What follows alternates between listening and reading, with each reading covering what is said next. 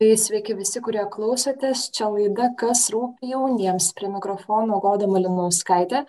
O šiandien jauniems rūpi ir laidoje kalbėsim apie ką tik prabėgusius 2020-uosius, kurie Lietuvos Respublikos Seimo buvo paskelbti ir ateitininkų metais. Kartu šventė organizacija ir 110 jubiliejų. Tai apie tai, kaip tie metai prabėgo, kaip karantinas keitė planus, ką atnešė gražaus, įdomaus pasikalbėsim su dviem ateitininkėm, kurios stipriai prisidėjo prie to, kad metai apskritai įvyktų. Tai šiandieną su manim yra ateitininkų metų koordinatorė Liudvika Strikutė. Labas. Sveiki. Ir ateitininkų metų komunikacijos grupės narė Goda Kotryna Jokubauskina. Labas. Labas. Tai pirmiausia, pradėsiu nuo tokio klausimo. Ar labai liūdit, kad ateitininkų metai jau pasibaigė? Aš tai kažkaip dabar tvarkau kaip tik paskutinius visokius niuansus, paskutinius projektus išleidžiu į viešumą. Tai tokį jau tik, kad paleist turi. Nu, kad jau praėjo. Praėjo ir atėjo nauji metai, 111 ateitininkijai ir kad, nu, reikia toliau švesti, nepamiršti švesti. Gal, ar tu liūdė? Ne, aš nematau, dėl ko reikia liūdėti. Jeigu tu esi ateitininkas, tai tau kiekvieni metai yra ateitininkų metai. O jeigu nesi ateitininkas, tai galbūt tie metai ir baigėsi, bet e, galbūt kažką sužinojai per tuos metus daugiau. Galbūt daugiau negu tik tai, tai kad tai yra pati seniausia Lietuvoje jaunimo organizacija. Ne tik tai tą jos senumą, bet ir jos aktualumą. Ir galbūt e, kai kurie žmonės, e, nežinau, pasiryš kada nors tapti ateitininkais ar kažkaip prisidėti prie mūsų veiklos, mūsų idėjų. Tai manau, kad nėra dėl ko liūdėti. Taip, tai kadangi laidos turbūt klausosi ne tik ateitininkai, bet ir žmonės, kurie galbūt apskritai nėra girdėję apie tokią organizaciją, tai pirmiausia, kodėl apskritai šitie metai buvo paskelbti ateitininkų, kaip tai atsitiko? Tai buvo valdyboje iškelta tokia, nežinau, idėja, kad galbūt, kadangi šves organizacija 110 jubiliejų, tai verta būtų pabandyti gauti metus, bet žinojom tokį dalyką, kad apskritai, nu, nėra taip paprasta, kad kitos organizacijos, kai galvoja apie tokį paminėjimą, kad Seimas paskelbtų, tikrai labai ilgai to laukia, derina visokius dalykus. Na ir mums tikrai netikėtai labai paprastai ir labai greitai ten per porą mėnesių pavyko visą tai suderinti, dėl to, kad tiesiog pristačius atitininkų istoriją, tai kokį didelį indėlį į Lietuvos kūrimą įdėjo ateitininkai, nu kažkaip neliko turbūt klausimų. Aišku, labai gražu, kad ateitininkų metai uždarė ir tokį ciklą metų, tai buvo ir skautų judėjimo, ir Lietuvos šaulių sąjungos metai, tai taip gražiai viskas ir susidėjo, kad 2020 turėjo būti paskelbta ateitininkų metais. Tai buvo vienintelė jaunimo organizacija iš tų tokių būt pagrindinių trijų didžiausių Lietuvoje, kuri dar tų savo metų neturėjo, ar ne?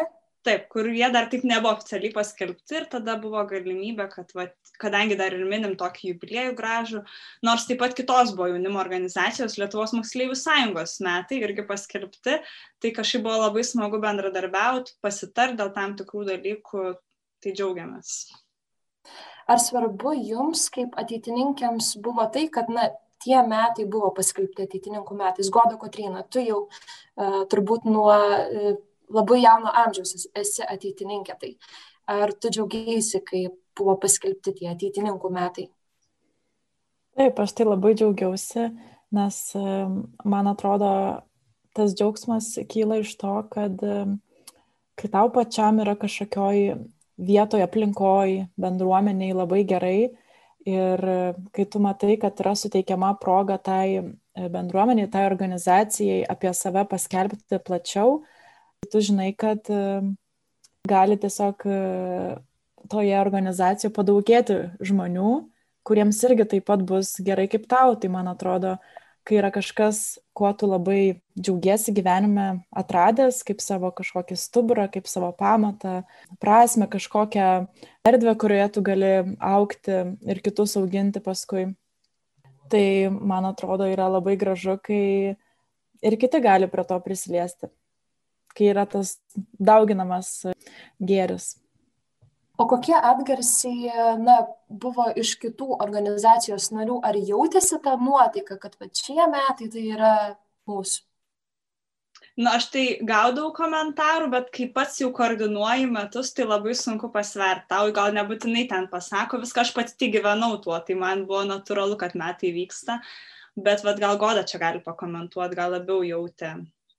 Aš gal viską, ką labiausiai jaučiau iš mūsų vidaus organizacijos, tai buvo toksai nu, nuolatinis pasidalinimas šią žinią ateitininkų tarpe visose medijose, kadangi mūsų ateitininkų metai buvo ir karantino metai, galima taip sakyti, ir pandemijos metai, tai visa komunikacija, visa tos žinios klaida vyko nuotoliniu būdu ir kadangi mes turim labai daug aktyvių ir šaunių moksleivių ir studentų ir sendraugių, ir jie visi turi ir naudoja socialinės medijas, tai jie su džiugesiu dalinosi tose medijose įvairiais išleistais e, rezultatais, e, vaisiais e, šių metų. Ir taip, man atrodo, jie, kiekvienas iš jų tapo labai svarbi komunikacijos dalis, šios žinios dalis, todėl kad jie apie ateitininkus kelbė savo draugams, savo šeimai, savo mokyklai, klasiokams ir visiems kitiems, kurios turi drauguose. Tai nors negalėjom gal susitikti gyvai ir, nežinau, ar padiskutuoti grupelėse, ar tiesiog pašvesti, bet e, man atrodo, kad tokiam na, mažuose ratuose tikrai šitą žinią sklido. O be to, aš irgi negaliu labai daug papasakoti, nes jau nebesu e, globėja kuopos, nebeturiu vaikų, Tai galbūt čia galėtų, nežinau, daugiau kokie nors globėjai papasakot, kaip jiems tie metai praėjo su jų globojimais e, moksleiviais. Bet e, tikrai žinau, kad buvo tam tikros temos, kurios buvo aptariamos e, užsiemimo metu. Liudvika, tu turėjai sukoordinuoti visus metus, kad jie apskritai įvyktų. Tai dabar papasakok, nuo ko viskas prasidėjo. Tai surinkot komandą, kiek aš pamenu, užsibrėžėt kažkokius tikslus, kaip viskas vyks, ar ne? Tai kokia buvo pradžia ateitininkų metų? Tai man atrodo svarbiausia paminėti, kad ateitininkų metai mums komandai, tai surinktai, kurią tu paminėjai, prasidėjo dar tikrai neteitininkų metų uh, kontekste, tai mes tikrai pradėjom dirbti daug anksčiau. Tai jau spalio mėnesį komandos buvo beveik suformuotos ir jos kibo į darbus, nes vad God irgi Malinauskaitė prisidėjo prie tos komandos darbo. Tai mes dirbti pradėjom anksčiau tam, kad mes spėtume iki metų pradžios pasiruošti ir išsikomunikuoti jau sausio pradžioje, kad žmonės prasideda atitinkų metai. Tai vyko visokiausių filmavimų, reklamų filmavimų, kūrybinio darbo, uh, tam tikrų procesų, kai tiesiog reikia sugalvoti. Ateitininkai turbūt pirmą kartą susidūrė su situacija, kai reikia sugalvoti, kaip trumpai save pristatyti. Nepasakoti ilgų istorijų, kaip mes kūrėm Lietuvą, ką mes veikiam, o paimti ir pasakyti labai trumpai, kas jūs tokie esat. Ir tikrai sėdėjom ir galvojom ir turėjom net svečių, kurie atėjo ir aiškino mums, kaip tą procesą įgyvendinti, kaip sugalvoti tą sakinį. Tai vat, buvo vienas sakinys, kurį sugalvom, tai kad ateitininkai yra jaunimo organizacija, kuri ugdo jaunus lyderius pagal katalikiškas vertybės. Tai jau buvo toks e, kažkoks apčiuopiamas dalykas. Tai va, tai kūrėm, galvojom ir jau sausio mėnesį startuot galėjom dėl to, kad komanda pasiryžo dirbti anksčiau, o ne pradėti su metais ir tada laukti, kada tie pirmi rezultatai atsiras. Tai turbūt būtų taip. Šiaip tai labai, kas buvo svarbu, tai ar atsilieps mūsų organizacijos nariai, ar jie supras to svarbą ir ar jie norės apskritai tuos metus kurti, nes tu vienas gali čia koordinuoti, bet nu be žmonių tai tu tiesiog labai mažai padarysi. Ir man buvo labai svarbu, kad ta komanda būtų ir tas narių atsidavimas ir noras daryti, kurti, organizuoti, matymas to kaip kažkas šventės, kuri truks visus metus, tai tikrai jautėsi ir tų savanorių atsirado labai daug. Aišku, metai ėjo, tie savanoriai keitėsi. Vieni ateidavo, kiti išeidavo, bet kad mes iki pat metų galo turim tuos, kurie visą laiką dirbo ir turim labai daug žmonių, kurie prisidėjo prie metų. Ateitininkų metų šūkis skambėjo taip - ateikite kurti. Tai ką ir kaip kvietėt kurti ir kaip apskritai nusprendėt, kad būtent toks šūkis turėtų būti? Tai ateitininkų metų šūkis, jisai su ateitininkais jau kuris laikas buvo. Mes turėjome ir prieš tai metais visokių renginių, kurie vadinosi su šiuo šūkiu ir mums apskritai e, šio šūkio autoriaus gyvenimas yra toks įkvėpimas. Tai čia kunigo Arvido Petro žygo yra žodžiai iš kalbos paimti, kur yra daug ilgesnė ir ten yra daug daugiau tokių gražių sakinių.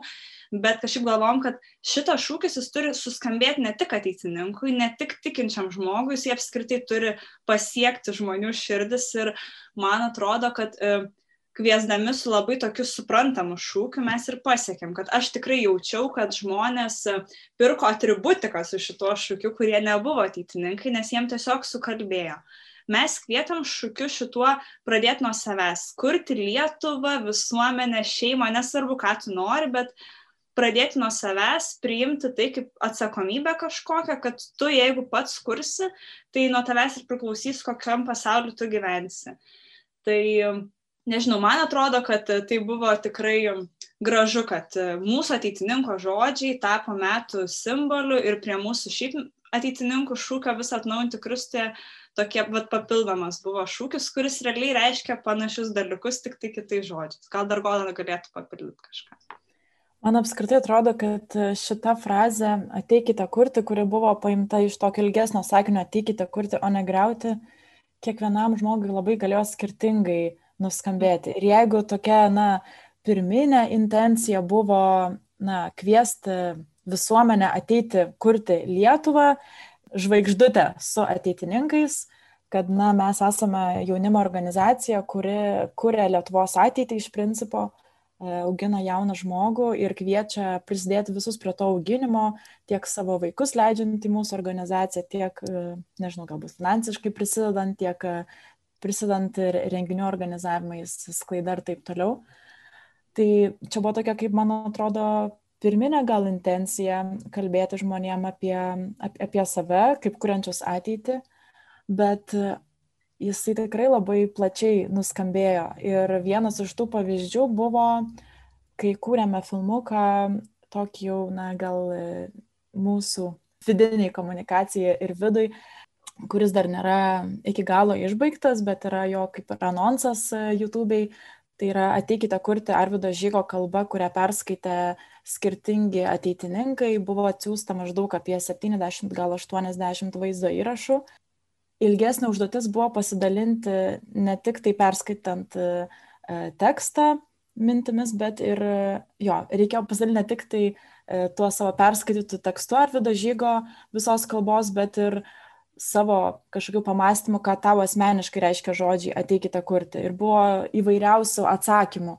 Tai vieni iš tikrųjų labai tiesiogiai priemė, kad, na, va, aš esu menininkas, man patinka, nežinau, kurti dainas, man patinka piešti. Ir tai irgi labai puikiai galima pritaikyti, ar ne? Lietuvai tikrai reikia kūrybingų žmonių ir kūryba yra vienas iš svarbiausių žmogaus turbūt na, elementų, kuo jisai pasižymė. Uh, kiti tikrai akcentavo Lietuvą, Lietuvos ateitį. Man asmeniškai kažkaip šitas labai nuskambėjo šūkis per asmenį santykių su kitais, kad yra labai sudėtinga na, visgi kurti e, tokį stiprų ir gerą santykį su kitu žmogumi, ypatingai na, vat, pandemijos metu reikia išmokti tai palaikyti. Ir man tai gal kalba dar ir apie tai, kad tie žodžiai ateikite kurti, negriauti, kai kam nuskambėjo taip e, keistai. Sako, na, bet kartais tam, kad sukurtum kažką, turigi sugriauti kažką. Tai aš pagau labai teisingai ir kai atsikūrinėjo mūsų valstybė, tai reikėjo prieš tai sugriauti, ar ne, komunizmą, e, socialistinį komunizmo režimą, bet pirminė intencija, dėl ko buvo e, tai daroma, tai dėl to, kad būtų sukurta Lietuva, tai vadinasi, kad pirminė, na, galutinis tikslas tai buvo visgi sukurti Lietuvą. Tai man atrodo, mes ir į tą ir kviečiam šitų šokių ir aš taip asmeniškai prieimu, kad labai lengva ar ne yra kritikuoti ir mes labai daug dabar turim tos tokios ir neapykantos ir socialinėse medijose, kur dabar verdytas gyvenimas, bet kaip yra sunku, na, priimti kitą ir sukurti kažkokį su juo asmenį santykį, kaip yra nelengva pasiūlyti kažkokį sprendimą kažkokioj ar ne sunkioj situacijai.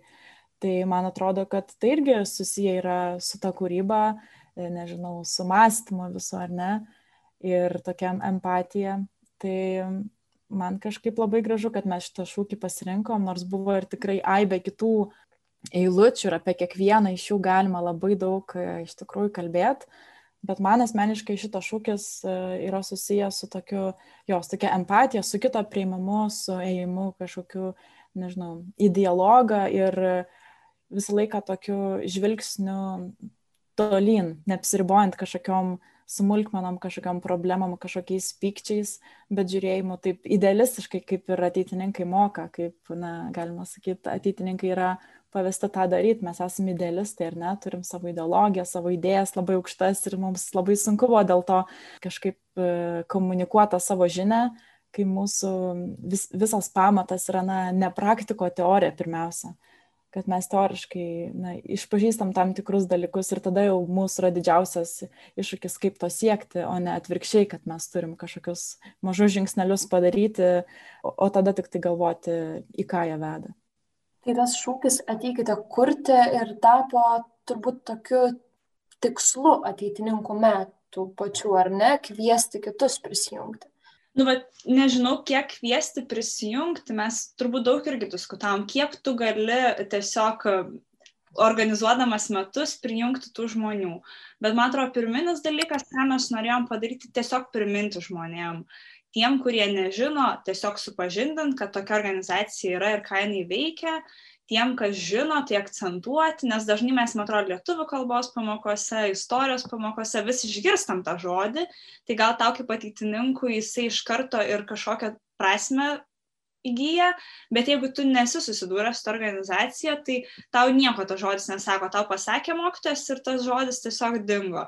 Mes manom ir tikimės turbūt, kad tie žmonės, kurie kažkaip susidūrė ar su komunikacija, ar su kitais žmonėmis, kurie kažką pasakė per ateitininkų metus, kad jie dabar jau tą žodį sureaguos, kad jiem atrodys, kad o, girdėjau kažką, kad tas žodis kažką turbūt svarbaus reiškia, jeigu čia vat, taip neseniai apie tai garsiai buvo kalbama.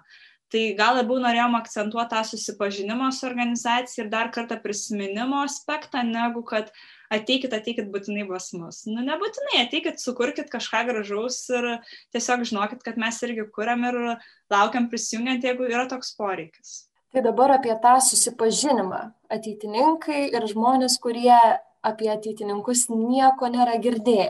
Goda metų pradžioje berots ėmėsi kurti ir ateitininkus pristatančio filmuko, kuris po to buvo rodomas ir viešajame transporte, bent jau didžiuosiuose Lietuvos miestuose. Taip pat buvo ir reklamos iškabintos miestuose.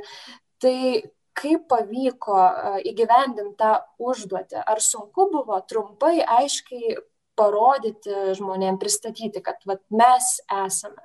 Tai buvo ne tik tai sunku, bet ir neįmanoma, dėl to ir pasirinkom tokį kelią pas save, na, neaiškinti, nes žinom, kad laikas, kurį mums davė save parodyti, ar ne, trolibusuose, televizoriuje, kompiuteryje, buvo, man atrodo, ten 30 sekundžių. Ir mes tada kažkaip galvojom, kaip ateitininkų sutalpinti į 30 sekundžių, ateitininkų galima sakyti idėją, ar ne?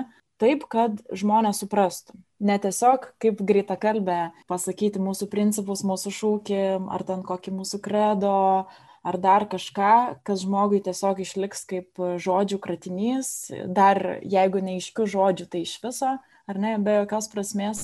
Tai jo, tai galvom, ar taip kažkaip daryti, ar eit, nežinau, per kažkokį tiesiog vizualą, per kažkokį vaizdą, mes išsikėlėm savo tokį pagrindinį klausimą, tai koks yra mūsų siekis, kodėl mes norim taip plačiai ar ne save rodyti. Tai pirmiausia, kaip ir Liudvika minėjo, mes tą šūkį pasirinkom, na, ne dėl to, kad tik taip galima apie save kalbėti. Tai šūkis turbūt toks antrinis, antrinis dalykas yra, bet pirminis, kaip Liudvika ir sakė, yra tiesiog paminėti ateitininkų metus, paminėti Lietuvoje organizaciją, kuri yra svarbi Lietuvai. Ir dėl to pagalvojom, kad e, praktiškiausia ir galbūt daugiausiai vaisių atneš, jeigu bent jau šitą vardą arba šitą pavadinimą žmonės išgirs. Nes tikrai daug kas jo nesugeba, nežinau, ištarti, jį pamiršta, jį visai kitaip iškreipia Ir e, neįsimena reiškia žmonių galvose, ar ne, žodis ateitininkas arba ateitininkija. Todėl mūsų tas filmukas, aš ateitininkas, tu ateitininkas ir taip toliau, buvo tam ir skirtas. Tiesiog žmonės užkabinti šitų pavadinimų ateitininkas, kad jie, galima sakyti, užnervuoti, įsivestų šitą pavadinimą į naršyklę ir pasižiūrėtų, tai kas ateitininkai buvo, pamatyti, kad ar ne buvo trys signatarai, ateitininkai, kad buvo daug kankinių, buvo daug galbūt ateity šventųjų paskelbtų, partizanų, poetų, rašytojų, ar ne, tai buvo toks inteligentų katalikų sluoksnis, kuris iš tikrųjų kūrė savo protų ir dvasia Lietuvą ir kitokiais būdais, kurie ir dabar labiau akcentuojant, ar ne, jaunimo augdymą. Tai taip ir pavyko, aš nežinau, tikrai buvo žmonių, kurie klausinėjo, E, tikrai turbūt e, buvo žmonių, kurie na, visgi sustojo ir panaršė, kas tai yra. Turbūt tik tiek apie tą pirmąjį.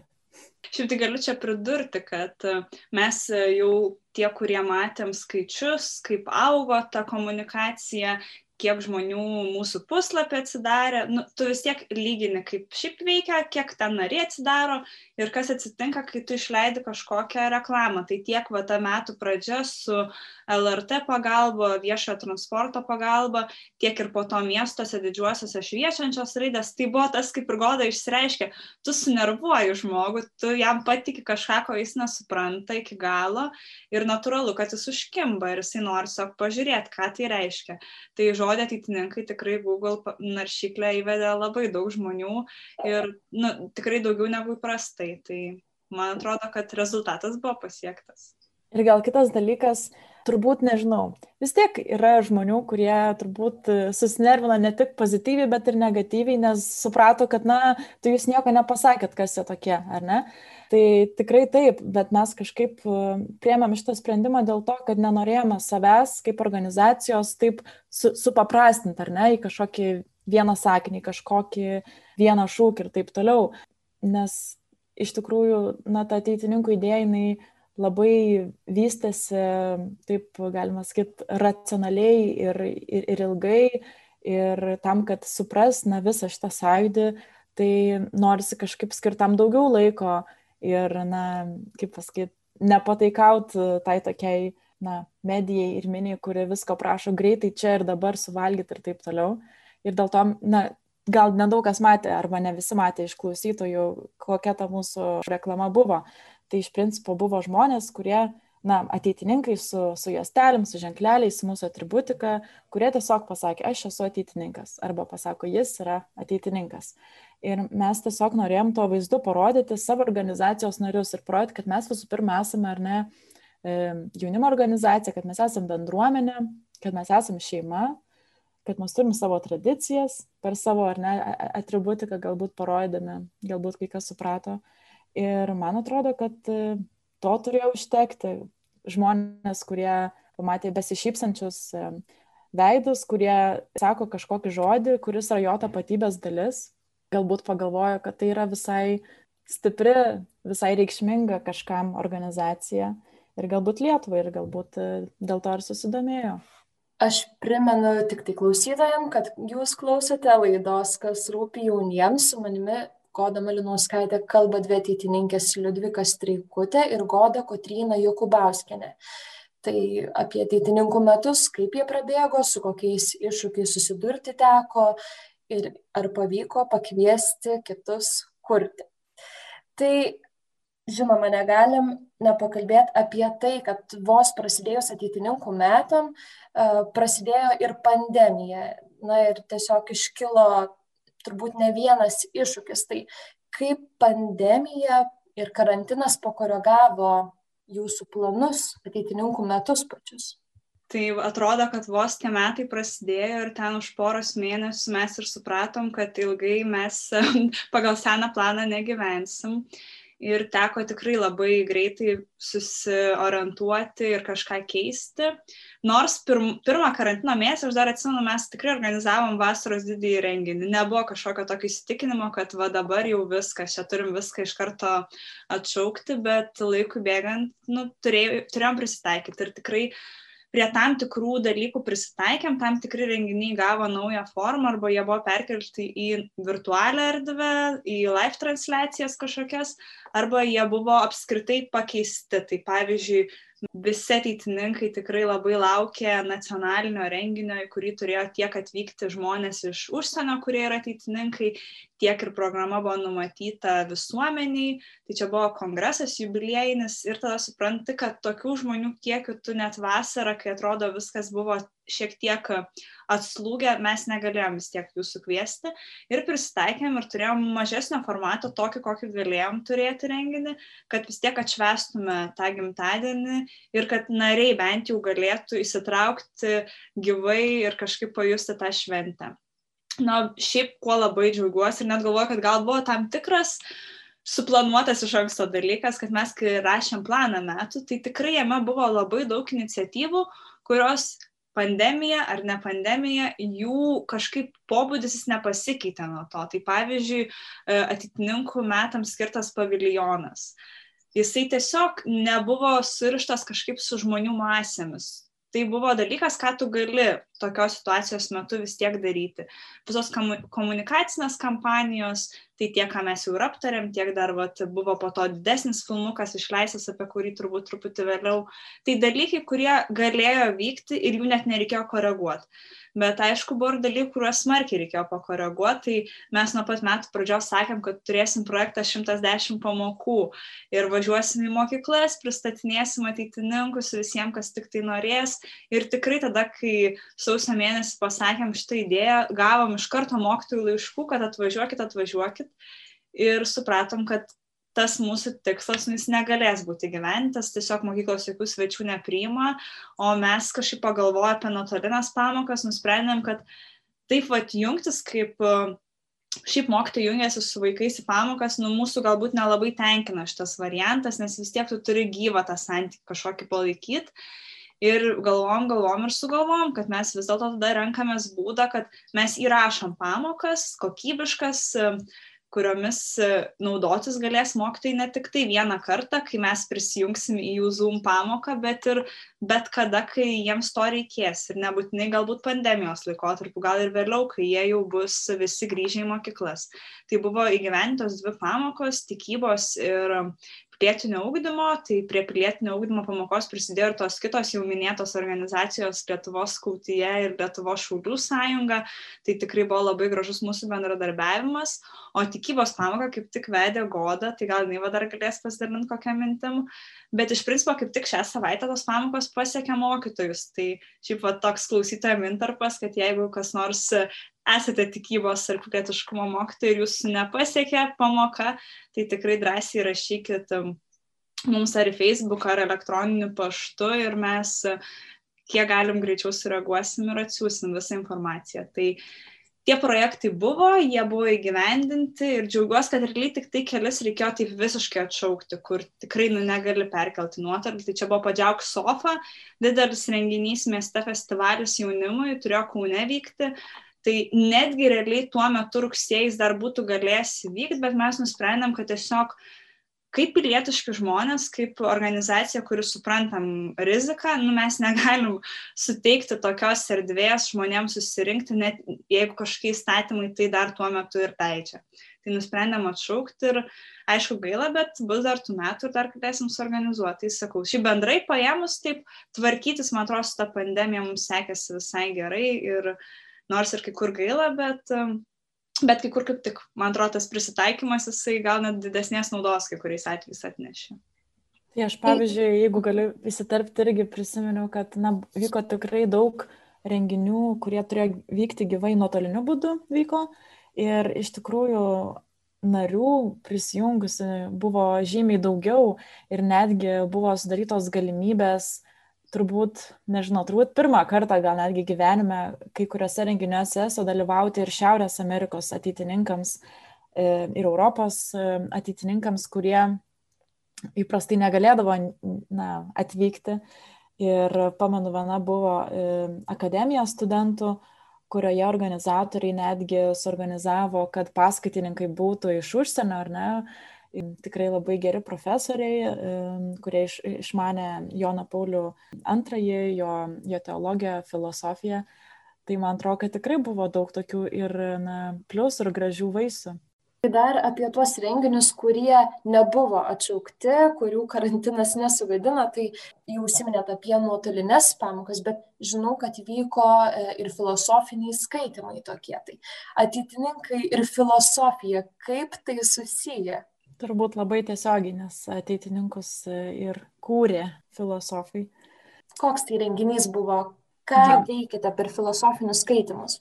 Tai filosofinių skaitimų Iniciatorė turbūt buvo Emilija Pundziūtė Galua kartu su Martinu Darškumi. Jie inicijavo tokią gražią seriją renginių, kurių metu kokie nors Lietuvos filosofai dabartiniai e, diskutuotų kartu su publika apie kokį nors veikalą ateitininkų. Tai buvo aptariamas Šalkauskis, Maceina ir Girnus jo ir girnius ir e, jų metu tiesiog žmonės galėjo e, perskaityti iki renginio e, tekstą, kuris bus analizuojamas. Ir tuo metu jau per renginį moderatorius kartu su filosofu na, ap, aptarnėjo tą tekstą ir galėjo skaitytojai ir lankytojai uždavinėti klausimus. Tai buvo du renginiai gyvai suorganizuoti ir vienas buvo nuotoliniu būdu suorganizuotas.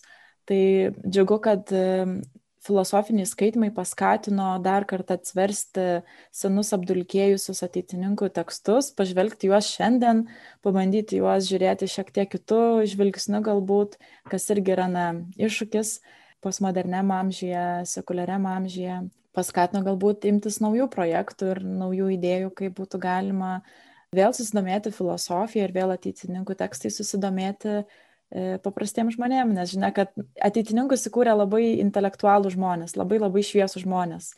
Tikrai ne kiekvienas galėdavo iš Lietuvos e, išvykti užsienin, e, studijuoti, kaip dabar masėmis visi studijuoja universitetuose. Kuom ir skiriasi galbūt situacija na, mūsų ateitininkų, kai mes esame visi pabaigę mokyklas, daugiau mažiau universitetus, bet tikrai nesame na, tokio lygio, išprusimo, tokio išprusimo lygio. Tai turbūt čia yra iššūkis ir uždavinys e, dabartiniam ateitininkam pasidomėti ateitininkų tekstais filosofiniais jų mintimi, kad geriau suprastumėm, kas mes patys e, esam. Ir turbūt, kuo šitas projektas dar buvo įspūdingas, tuo, kad e, bendradarbiavom, ne vieni organizavom, bendradarbiavom su Adolfo Damušio demokratijos centru, kuris įsikūręs Martino Mašvido bibliotekoje ir tie renginiai vyko bibliotekoje ir ta, tai tikrai leido kažkaip ir komunikuoti plačiau ir žmonių tikrai bent į pirmą e, skaitimų ciklą, kai dar neturėjom net minčių, kad čia gali mūsų užklupti pandemija, tai susirinko tikrai pilna salė ir jautėm, kad ne tik mums kaip ateitininkam yra įdomu skaityti ir gilintis, bet ir šiaip žmonėm tai labai kalba, nu, kad tie, kurie siekia mokslo, gal taip galima įvardinti, kad jiem tai yra tikrai aktualu ir jie atėjo ir jie išgirdo. Ir dar viena iniciatyva, apie kurią taip pat Liudvikai buvai, užsiminus, tai ateitininkų paviljonas, kuris buvo tiek Kaune, tiek Vilniuje. Tai kam ta idėja, galbūt taip būtų galima pasakyti, kilo. Ir kas buvo tame ateitininkų paviljone? Taip, tai idėja kilo mūsų ateitininkiai, sandraugiai Inesai Čikauskiniai ir mes dar pradžioje galvom, kad tai bus paroda, galiausiai kažkaip galvojant, kuriant šitą projektą buvo nuspręsta, kad tai vis dėlto nėra paroda, kaip mes įsivaizduojam, kad tai tampa paviljonu, dalyku, kurį tu gali kilnoti, kuris nėra pririštas prie salės kažkokios ar vietos vienos Ir tai, e, jeigu taip vizualiai dabar įvardinti, tai buvo tokie penki dideli suolai, geltoni, ryškus, kurie simbolizavo vat, ateitininkus per tam tikrą vaspalvinį, e, nežinau, atspindi ir šalia kabėjo labai daug atvirlaiškių. Ir tais atvirlaiškiais mes ir pristatėm organizaciją. Tai mūsų dabartiniai nariai rašė tekstus, savo mintis apie organizaciją, tiek apie tai, ką mes veikiam dabar, renginius tam tikrus, tiek apie tai, kaip Lietuva kūrė ateitininkai anksčiau. Tai va tokia visiems prieinama forma buvo pristatyta organizacija. Ir aš tikrai pirmą kartą pati susidūriau, kad jaunimo organizacija būtų tokia forma pristatoma. Tai kas gaila galbūt, kad kol kas spėjo paviljonas aplankyti Vilnių ir Kauną spalio mėnesį ir lapkričio mėnesį vis, vis kitame mieste, o žiemą nusprendėm, kad tiesiog yra nepatogu ilgai stovėti laukia prie kažkokio vieno dalyko, tai palauks paviljonas pavasarį ir tikimės, kad jis ir toliau keliaus per galbūt dabar jau regioninius miestus ir rodys, kokia graži ta ateitininkė yra. Dar viena uh, iniciatyva, kuri visai neseniai iš tiesų pasirodė, tai uh, Godos Kotrynos filmas, jau net toks trumputis reklaminis, kaip kad buvo metų pradžioje, bet uh, kur kas ilgesnis, berots 15 minučių ar ne. Tai Goda, kurdama tą filmuką, ką labiausiai atkreipiai dėmesį? Iš tikrųjų, tai, nežinau, labiausiai mes tą filmuką kūrėme pagal e, svarbiausias istorinės e, datas, svarbiausias istorijos įvykius ateitininkų, kartu įterpiant ir na, kažkokį mūsų idėjų įnašą, ar ne, e, kas mes esame kaip ateitininkai. Tai mes tiesiog pristatėme ateitininkų istoriją, tai nebuvo reklama kažkokia, tai gal netgi buvo labiau kaip tiesiog pristatomasis filmukas, ne, ne, nebėra reklaminis. Uh, ir pabaigoje jau kaip ateitininkų metų indėlis pasigirdo Arvido žygo pilnas tekstas, pilni žodžiai, kurie galbūt galėjo žmogui e, leisti susidaryti įspūdį, į ką tu esi žmogau kviečiamas jaunas. Tai iššūkis buvo iš tikrųjų pasakyti, kas mes kaip ateitininkai esam šiandien. Labai iš tikrųjų svarstėm, ar kalbėti ar ne apie, apie tos mūsų renginius, apie savo, nežinau, kažkokius e, žymius darbus padarytus va, 21 amžiuje, nuo atsikūrimo. Šiaip mes esame jau labai jauni, galima taip sakyti, kaip atsikūrusi organizacija. Ir pasirinkom tiesiog nekalbėti apie šitą dalį, nes tiesiog palyginus ar ne su visa istorinė praeitimi, kuri yra labai labai labai turtinga, ateitininkų istorinė praeitis, na, ta dabartis atrodo taip šiek tiek keistai, tai mes tiesiog per vaizdus, per archyvinės medžiagas surinktas iš ateitininkų video albumų, tiesiog sudėjome tokį koležą, kuris padėtų žmogui susidaryti tai, kas vyksta pas mus ar ne viduj. Tai galėjo žiūrovas išvysti tiek nežinau, kadrus iš e, kažkokių renginių, iš vasaros, iš žiemos, e, iš kažkokių švenčių, iš žygių, iš paskaitų ir tokį susikurti atmosferą. Tai kas tai yra per erdvė ateitininkai, kurioje yra auginamas tas ateities jaunas žmogus.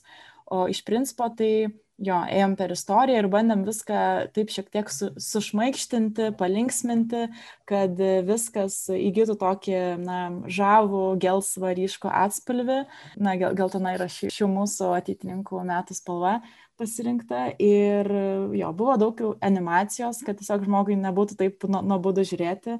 Ir taip pat dar sukūrėme ir, na, išvertėm viską į anglų kalbą, kad ir užsienio na, ateitininkai ir ne, ne tik ateitininkai galėtų suprasti, kas tai yra per organizaciją, pasakot galbūt savo draugams, galbūt čia išeivams labiausiai yra aktualu, kad jie, na, savam ratui galėtų papasakot, na, tai kas yra ta organizacija, kuriai aš priklausau ir šitą filmuką galima rasti įvedus žodžius, kas yra ateitininkai, tikrai internete rasit, tai tikrai raginam pažiūrėti, jeigu per šitos metus dar nepavyko susipažinti iki galo su organizacija, tai čia turbūt nėra geresnės priemonės negu tas filmukas. Taip, tai visus metus kalbėjote apie tai, kas yra ateitininkai ir turbūt dar kalbėsite tikrai ir, ir šiais metais, ir kitais metais, tai tikrai ne pabaiga. Ir iš tiesų, kai pradėjome šitą pokalbį, norėjau paklausti jūsų, ar pasibaigus tiems metams, na, baigėsi ir ateitininkų metai, bet akivaizdu, kad jūsų širdise jie dar tikrai nesibaigia. Tai va daug gražių iniciatyvų būta ir labai tikimės, kad jų bus ir toliau. Tai šiandien dėja, bet jau pokalbį turime baigti. Ačiū Jums labai, kad čia buvote. Manau, kad kalbėjome su ateitininkų metų koordinatorė Liudvika Streikutė ir taip pat ateitininkė Goda Kotryna Jokubauskinė. Su jumis buvau aš, Goda Malinauskaitė. Ačiū labai, kad visi klausėtės. Iki.